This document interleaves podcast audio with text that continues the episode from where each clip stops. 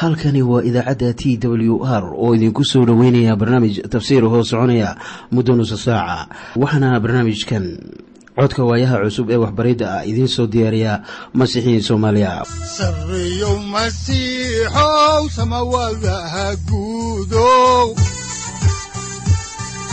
Siraadkii adduunkow subanaha eebow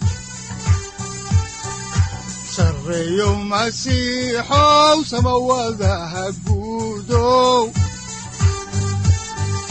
siraadkii adduunkow subanaha eebow adigoo samada jiro ifkaan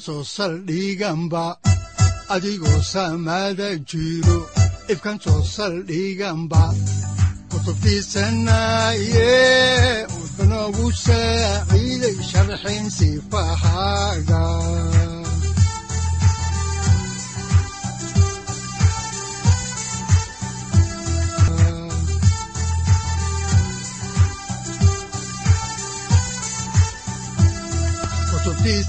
kutubtiisinayow ebanagu saaciid sharxin sifahaaga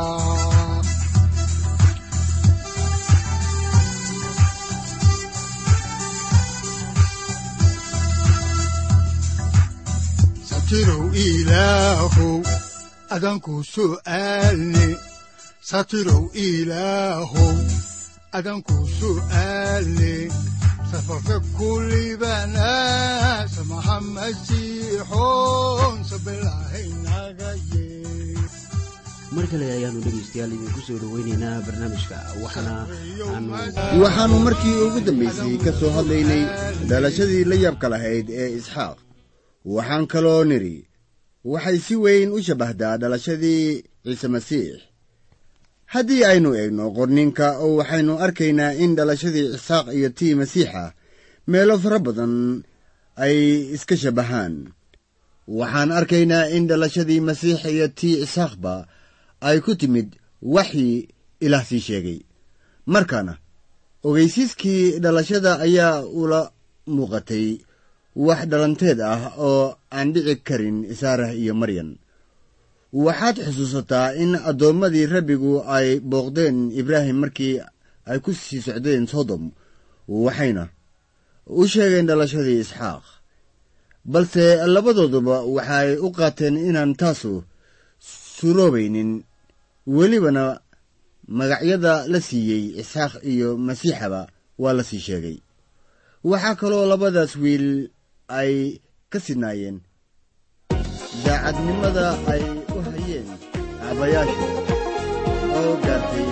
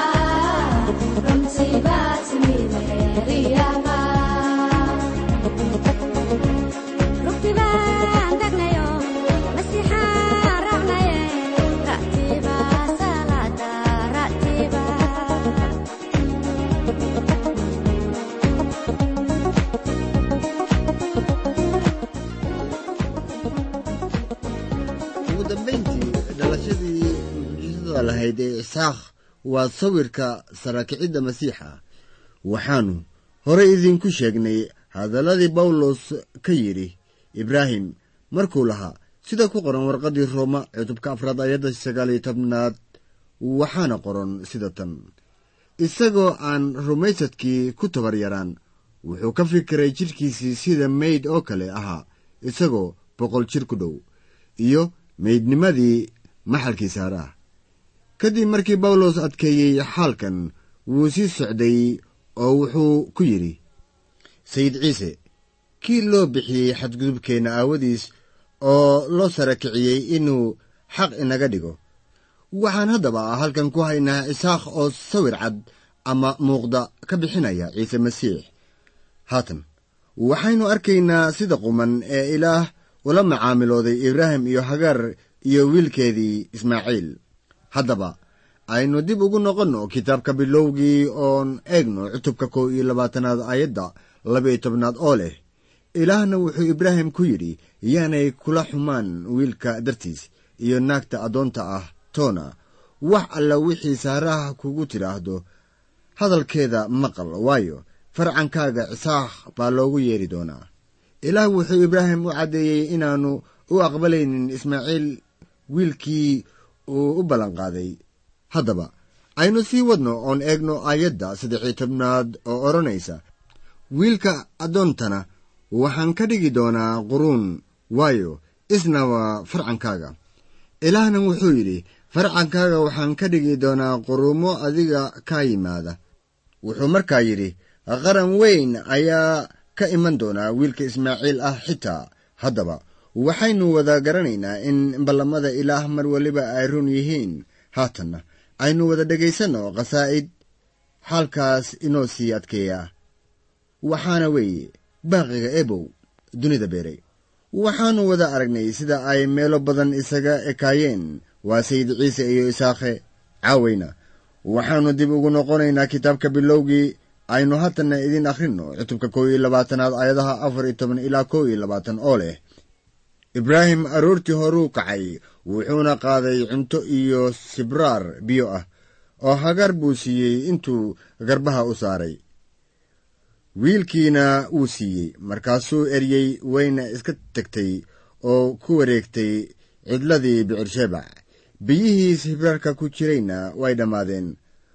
Kolkaasay ilmihii ku xoortay geedihii midkood hoostiisa wayna tagtay oo waxay fadhiisatay meel ku soo jeeda oo ka fog. Oo qiyaastii ah intii fallaadh la gamay gaadho waxayna tidhi yaan eegin dhimashada wiilka iyadoo fadhida meel ku soo jeeda ayay codkeeda kor u qaaday oo oyday ilaah baana maqlay codkii wiilka. Malaa'igtii ilaahna hagar bay samada uga yeedhay oo waxay ku tidhi hagaarey.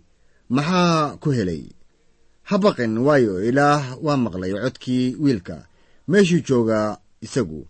Kac oo wiilka toosi oo gacantaada ku hay. Maxaa yeelay qurun weyn baan ka dhigi doonaa isaga. Markaasaa ilaah indhaheedii furay oo waxay aragtay ceel biyo ah. Kolkaasay tagtay oo sibraarkii biyo ka buuxisay oo wiilkii waraabisay. Ilaahna wiilkii buu la jiray wuuna koray oo cidladuu degay wuxuuna noqday qansoole. Wuxuuna degay cidladii faaraan. Hooyadiis baana dhulka masar naag uga qaaday. Qorninku wuu ka baxayaa inuu ka sii hadlo faracii ismaaciil oo dib u sii raaci maayo laakiin faraciisii waa carabta ee ayaa haatan waxay joogaan cidlada ilaa iyo haatan. Iminkana aynu ka hadalno ibraahim iyo abimelek oo bicirshebac jooga mar kale aynu ku noqonno kitaabka bilowgii cutubkiisa kow iyo tobnaad oonu eegno ayadaha laba iyo labaatan ilaa saddex iyo labaatan waxaana qoran sidatan waxayna noqotay wakhtiga in abimelek iyo fikool oo ahaa madaxda ciidankiisa ay la hadleen ibraahim iyagoo leh ilaah waa kugula jiraa waxa aad samayso oo dhan. Iminka halkan ilaah iigu dhaaro inaadan i khiyaanaynin aniga ama wiilkayga ama wiilkayga wiilkiisa. Laakiinse sidii aan wanaagga kuugu sameeyey inaad adna igu samaynaysid aniga iyo dhulka aad qariib ahaanta u deganaydba. Markaan dhanka kale ka eegno abimelek wuxuu doonayaa inuu heshiis la dhigto ninkan ibraahim ah oo ay noqdaan saaxiibbo wanaagsan wixii intaas ka dambeeya. Aynu horay u sii ambaqaadno aynu eegno cutubka kow iyo labaatanaad ayadaha soddon iyo laba ilaa saddex iyo soddon oo leh sidaas daraaddeed axdi bay ku dhigteen bicir-shebac markaasaa abimelek kacay isaga iyo fikool oo ahaa madaxda ciidankiisa oo waxay ku noqdeen dhulkii reer falastiin. Ibraahim geed buu bicir-shebac ku beeray oo halkaas buu ku ducaystay magac rabbiga daa'imanka ah. Ibraahim wuxuu ku ducaysanayey magaca ilaah ee daa'imanka ah meel kasta ee uu aadaba aynu halkii ka sii wadno oona eegno waxa ay leedahay aayadda ugu dambaysa ee cutubkan kow iyo labaatanaad oo ah aayadda soddon iyo afraad waxaana qoran ibraahim maalmo badan ayuu dhulka reer falastiin qariib ahaan ku deganaa. Waxaa laynoo sheegay goor dambe in ibraahim qariib ahaa oo uu socoto ku ahaa dhulka ilaah ka ballanqaaday isaga. Tanina waa xaqaa'iqa la hubo markay halkan joogto qisadu haddaba haatan waxaynu soo gaarnay cutubka laba iyo labaatanaad.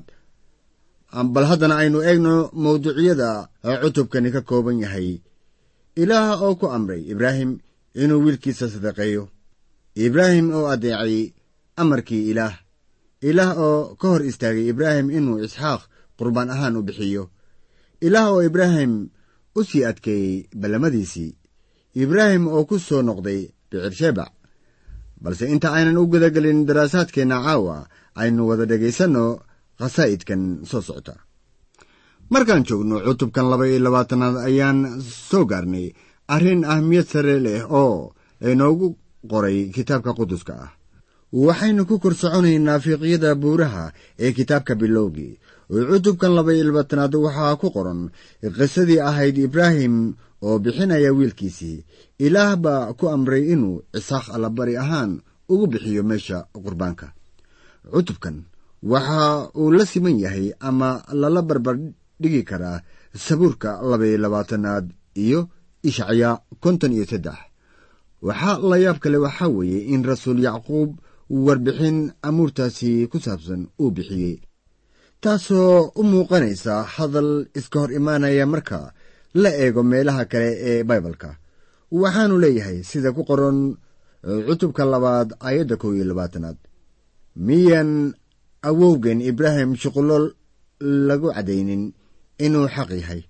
Goortuu wiilkiisa cisaaq meeshii allaberiga ku bixiyey ha yeeshee. Wuxuu ka daba qaatay rasuul bawlos oo isla maadadan kaga hadlaya warqaddii reer rooma cutubka afraad aayadda kow ilaa saddex waxaana qoran sida tan. Haddaba maxaynu nidhaahnaa inuu helay ibraahim oo awowgeennii hore ahaa xagga jidhka. Waayo haddii ibraahim shuqullo xaq ku noqday wax uu ku faano buu leeyahay ee ilaah hortiisa ma aha. Maxaa qorniinku leeyahay? Ibraahimna ilaah buu rumaystay oo waxaa isaga loogu tiriyey xaqnimo. Rasuul yacquub wuxuu yidhi sida ku qoran warqaddiisii cutubka labaad aayadda kow iyo labaatanaad oo leh miyaan awowgen ibraahim shuqullo lagu caddaynin? inuu xaq yahay. Goortuu wiilkiisii cisaaq meeshii allabariga ku bixiyey. Rasuul bawlosna wuxuu yidhi sida ku qoran rooma. Cutubka afraad aayadda kow ilaa saddex oo leh haddaba maxaynu nidhaahnaa inuu helay ibraahim oo awowgeenni hore ahaa xagga jidhka. Waayo haddii ibraahim shuqullo xaq ku noqday wax uu ku faano buu leeyahay ee ilaah hortiisa ma aha. Maxaa qorninku leeyahay? Ibraahim ilaah buu rumaystay oo waxaa isaga loogu tiriyey xaqnimo. Iminkana aynu ka hadalno ilaah oo ku amray ibraahim inuu isxaaq qurbaan ahaan u bixiyo. Waxaannu iminka ku soo noqonaynaa kitaabka bilowgii waxaanan eegaynaa cutubka labaiyo labaatanaad ayadda kow oo leh oo waxaa dhacay waxyaalahaas kadib in ilaah tijaabiyey ibraahim oo uu ku yidhi ibraahimow isna wuxuu yidhi waa ikan ereyga ah tijaabo waxaad mooddaa inuu yara xoog badan yahay. Ereyga macnihiisu waxaa weeye imtixaan. Yacquub baa ku caddeeyey warqaddiisii inaannu ilaah ninna ku tijaabinaynin ama duufinaynin shar ilaah wuxuu dadka u tijaabiyaa si uu u imtixaamo rumaysadkooda. Ilaah wuxuu imtixaamay ibraahim wuuna weydiiyey inuu sameeyo waxaan caadi ahayn. Aynu horey u sii soconno oonu eegno cutubka laba iyo labaatanaad ayadda labaad waxaana qoran markaasuu ku yidhi haddaba kaxee wiilkaaga keligiisa kan aad jeceshahay oo ah isxaaq oo u kaca dalka mooriya ah oo halkaas isaga sida allabari la gubo ku dulbixi buuraha middood oo aan ku sheegi doono. Aynu ka hadalno maaddada ah. Ibraahim oo ilaah addeecay tanina waa sawir la yaab leh. Waa markii ibraahim kaxeeyey isxaaqe aynu horey u sii ambaqaadno akhrinteennii oon eegno. Cutubka laba iyo labaatanaad ayadda saddexaad waxaana qoran sida tan oo aroortii horaa ibraahim kacay oo wuxuu kooraystay dameerkiisii oo wuxuu kaxaystay laba ka mid ah dhallinyaradiisii iyo wiilkiisii isxaaq. Qoryihiina allabariga la gubo wuu u jeexjeexay wuuna kacay oo wuxuu tegay meeshii ilaah u sheegay. Ibraahim isxaaq buu kaxaystay oo wuxuuna soo qaatay qoryihii allabariga la gubo. Haddaan sii ambaqaadno ayaa aayadda afraadii leedahay. Maalintii saddexaad ayuu ibraahim indhihiisii kor u taagay markaasuu meeshii oo ka fog arkay waxay ibraahim ku qaadatay ilaa iyo saddex maalmood.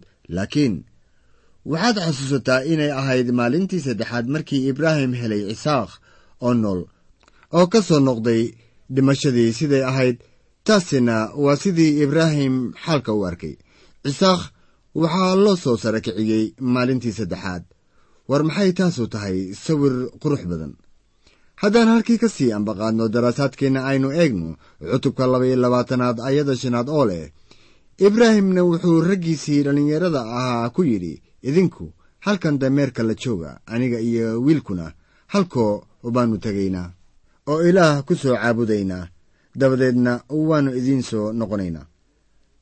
Kunturaaddu waxay dhex maraysaa aabbe iyo wiilkiisa waana ibraahim iyo isxaaq dabcan ilaahna wuxuu dadka ka furay iskutallaabta wakhti gudcur weyn jiro.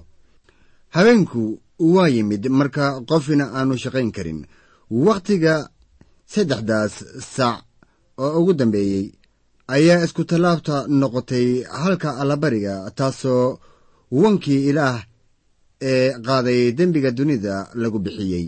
Kunturaaddu waxay u dhexaysaa aabbe iyo wiil saaran iskutallaabta dadku way ka baxsanayeen mana ayan ka qaybgelin marnaba. Sawirkan weli waa sidiisii waa ibraahim iyo isxaaq. Haddaan halkii ka sii wadno aynu eegno cutubka labaiyo labaatanaad ayadda lixaad oo leh ibraahimna wuxuu qaaday oo qoryihii allabariga la gubo oo wuxuu saaray wiilkiisii cisaaq isna wuxuu gacantiisa ku qaaday dabkii iyo mindidii markaasay labadoodii israaceen. Waxaa qoran ibraahim wuxuu qaaday qoryihii allabariga la gubo wuxuu saaray wiilkiisii isxaaq. Waxaad xasuusataa in masiixu qaaday iskutallaabtiisii dadku halkan wuxuu u taagan yahay xukun. Mididuduna waxay u taagan tahay xukun dil ah iyo qurbaan. Haddaan sii wadno daraasaadkeenna ayaa aayadda xigta ee toddoba ilaa siddeed waxaa ku qoran isxaaqna waa la hadlay aabbihiis ibraahim oo yidhi aabow isna wuxuu yidhi waa ikan. Wiilkaygiiow markaasuu ku yidhi bal eeg waa kuwan dabkii iyo qoryihii laakiinse mee wankii allabariga la gubo loo bixin lahaa. Ibraahimna wuxuu ku yidhi ilaah qudhiisaa keeni doonaa wankii allabariga la gubo loo bixin lahaa wiilkaygiyow sidaas daraaddeed labadoodiiba way israaceen aayadda saddexi tobnaad waa dhowr aayadood kadibe ayaa inoo sharaxaysaa in la keenay orgi madaxa geesaha kula jira keyntii dhirta. Ibraahim orgigii buu soo qabtay oo bixiyey. Ibraahim wuxuu yidhi ilaah qudhiisa keeni doonaa wankii la bixin lahaa. Laakiin wax qurbaan la bixiyo. Ah halkaas ma ayan oolin. Waxaase halkaas la keenay orgi. Waxaana yimid farqi wanka lama keenin ilaa iyo qarniyaal kadib markii yooxanaa babtiisaha ku qayliyey isagoo leh bal eega wankii ilaah oo qaadaya ciqaabta dunida. Sida ku qoran cutubka koowaad aayadda sagaal iyo labaatanaad. Marka ibraahim leeyahay ilaah qudhiisaa keeni doonaa qurbaanka la bixiyo. Ayay muhiimad ballaaran tahay in la arko in ibraahim ku hadlayay waxyi nebiyeed ibraahim wuxuu haatan diyaar u yahay inuu wiilkan ku dulbixiyo meesha allabariga. Inkastoo uusan fahamsanayn waxa uu sidaas u yeelayo. Haddaan si anbaqaadno qorninka ayaa waxaa ku qoran cutubka laba iyo labaatanaad aayadda sagaalaad ee kitaabka bilowgii sida tan. Oo waxay yimaadeen meeshii ilaah isaga u sheegay ibraahimna meeshaasuu ka dhisay meeshii allabariga. Qoryihiina wuu hagaajiyey markaasuu xiray wiilkiisii isxaaq oo meeshii allabariga saaray qoryihii dushooda. Isxaaq ma ahayn wiil yar oo uu ibraahim xiri karay. Wuxuu ahaa nin weyn waxaanan rumaysanahay in cisaaq ka adkaan kari lahaa haddii ibraahim jujuub doonayay inuu ku bixiyo oo ay gacan tegi lahayd. Laakiin cisaaq wuxuu tan u samaynayaa hab adeecis leh. Sayidka wuxuu aaday iskutallaabta isagoo leh yaanay taydu ahaan laakiin taadu ha ahaato. Wuxuu aaday iskutallaabta si uu u kaamilo doonista ilaah. War maxay ahayd sawir la yaab leh oo halkan laynagu siiyey? Haatanna aynu ku soo gunaanudno daraasaadkeenna caawa aayadda tobnaad ee cutubka laba iyo labaatanaad waxaana qoran ibraahimna gacantiisii buu fidiyey oo mindidii buu u qaaday inuu wiilkiisa dilo. Marka ay arrintu intaa joogto ayaa anigiiyo adigaba laga yaabaa inaynu nidhaahno ibraahim miyaad sidaas samaynaysaa? Waxay haatan u muuqataa in ilaah doonayo inuu arrinkaas ku oggolaado wuxuu odhan lahaa bilxaqiiqa sidaas baan doonayaa inaan sameeyo. Waxaase la i baray inay khalad tahay in bani aadamka allabari ahaan loo bixiyo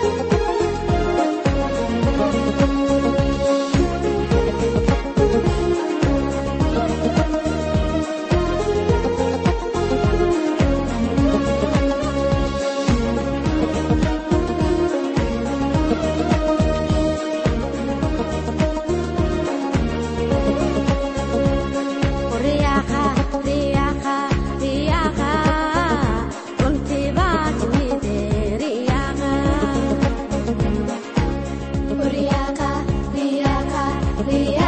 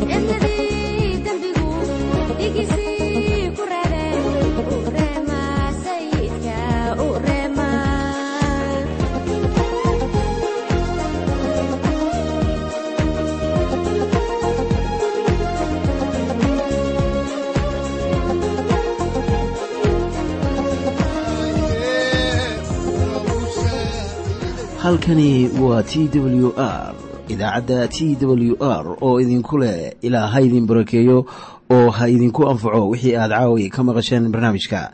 Waxaa barnaamijkan oo kalaa maqli doontaan habeen dambe hadahan oo kale haddiise aad doonaysaan in aad fikirkiina ka dhiibataan wixii aad caawi maqasheen ayaad nagala soo xiriiri kartaan som t w r at t w r c o k e dhegaystayaal haddii aad doonaysaan inaad mar kale dhegaysataan barnaamijka fadlan mar kale booqo www t t b o r g ama www t w r o r g halka sare waxaad ku arkaysaa markii aad gasho language ama luuqadda waxaana dooranaysaa soomaali.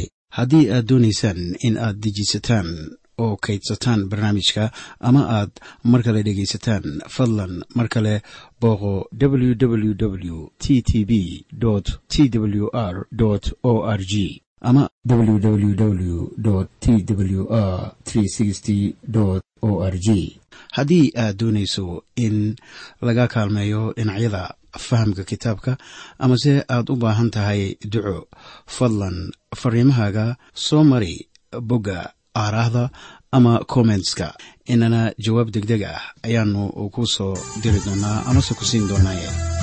Sareyow masiixow salula wihiyow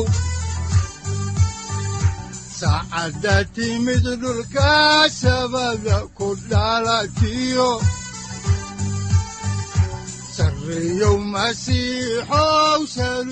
halkani waa t w r oo idiin rajaynaya habeen baraare iyo barwaaqaba leh inta aynu ka gaari doono wakhti aynu ku kulanno barnaamij la mida kan caawayay aad maqasheen waxa aan idinku leeyahay nabadda ciise masiix ha idinku badato xagga jidhka iyo ruuxaba aamiin